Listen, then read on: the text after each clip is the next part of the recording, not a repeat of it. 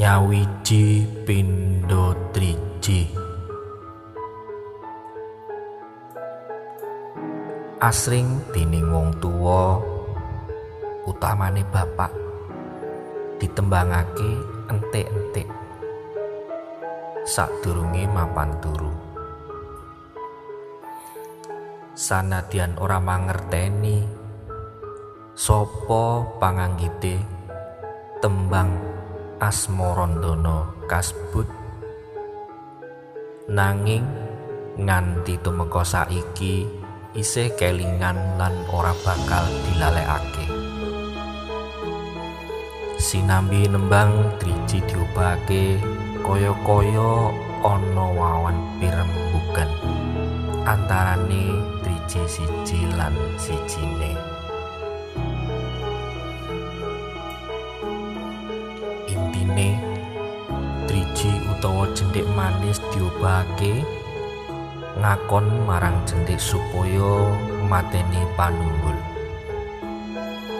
Jentik miterang panunggul dosane opo miturut manis panunggul ngunggul-ungguli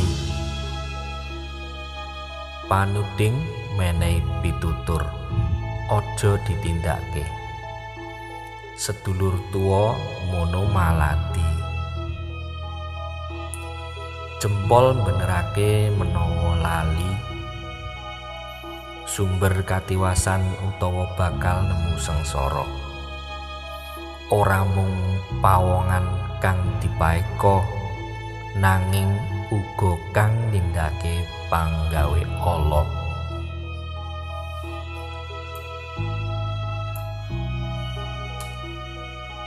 Menawa ditintingi tembang kasebut ora mung sakderma kanggo panglipur nanging uga kebak piwulang minangka gambaran kang dumadi ing pasrawungan saben dina. Sapa wae mesti kepengin urip adem ayem mat sinamatan antarane siji lan sijine. Rukun karo tangga satemah ati tansah seneng mahanani kasarasan jiwa raga.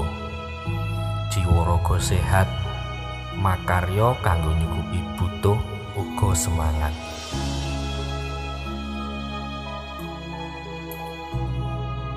Jentik. Ngemu piwulang aja seneng ngotak-atik panguripane liyan ana tangga bisa tuku motor anyar. Lah kok njur panas? Atine gemranyas nuli gedem-gedem kebrongot yen kang kobong semangate nuli greget anggone nyambut gawe karben bisa nggayuh kang jinangka iku prayoga. Nanging niate kudu resik. Kanggo panguripan kang luwih mapan aja mung sadermo saingan utawa malah kepingin gending ngece tangga. Ladala ora ana enteke.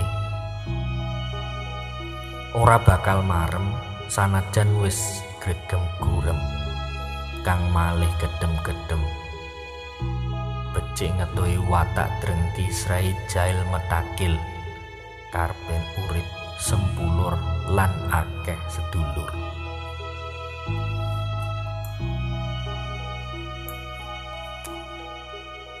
Manis duwe pasemon kang manis apik njaba jero lahir terusing batin. Aja kaya ing tembang gampang ora seneng mringkal liyane liyan. Aja lamis ing pasrawungan tarkadang ana pawongan kang kaya woh dondong. Njaba katon alus jebul jerone pating crongat kaya diniri iki ndrawasi. Yen wong liya ngerti mesti bakal ngedoi. Ana maneh kang kaya duren sinawang saka njaba katon kaya ripateng jringi. Ateges sangar medeni. Eh bareng srawung kok merakati iki lumayan nanging luwih becik maneh kaya manggis. Wong siji iki jabane alus jerone putih mulus. Rasane uga legi pulen. Ana gulu kemlenyer legender. Pawongan kang duwe wewatakan kaya mangkene coba jero nyenengake. Praupane nang semake grabyak semangat elenge ngati putih memplak resik tanpa kargetan panyokro bawa pawongan kang mengkene suki kanca ditresnani sapa wae jer pancen ora beda-bedake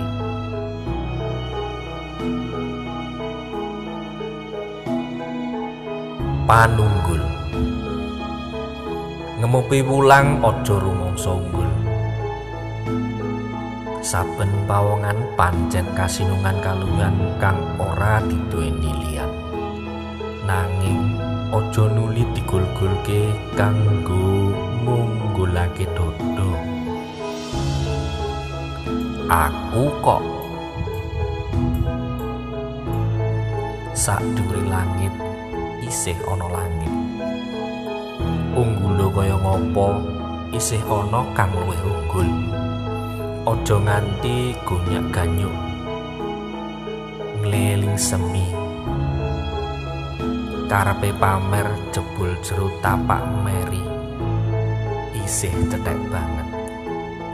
Yen pancen unggul tenan ora perlu baduke ditulisi.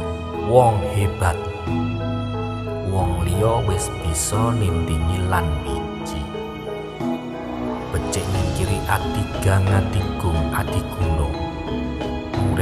uripe mulya karena ora ngongso.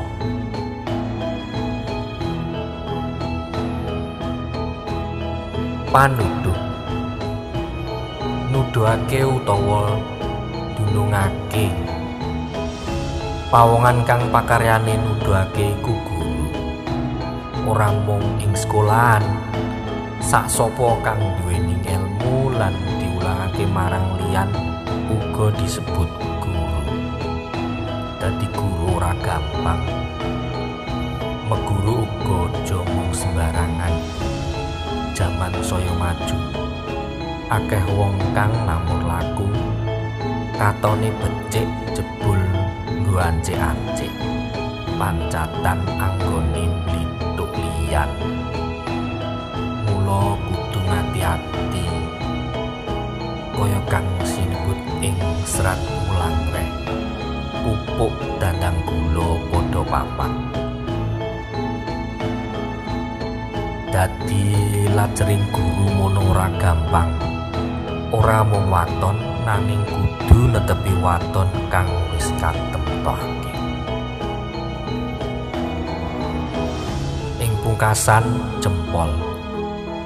Mralambangake samubarang kang ape becik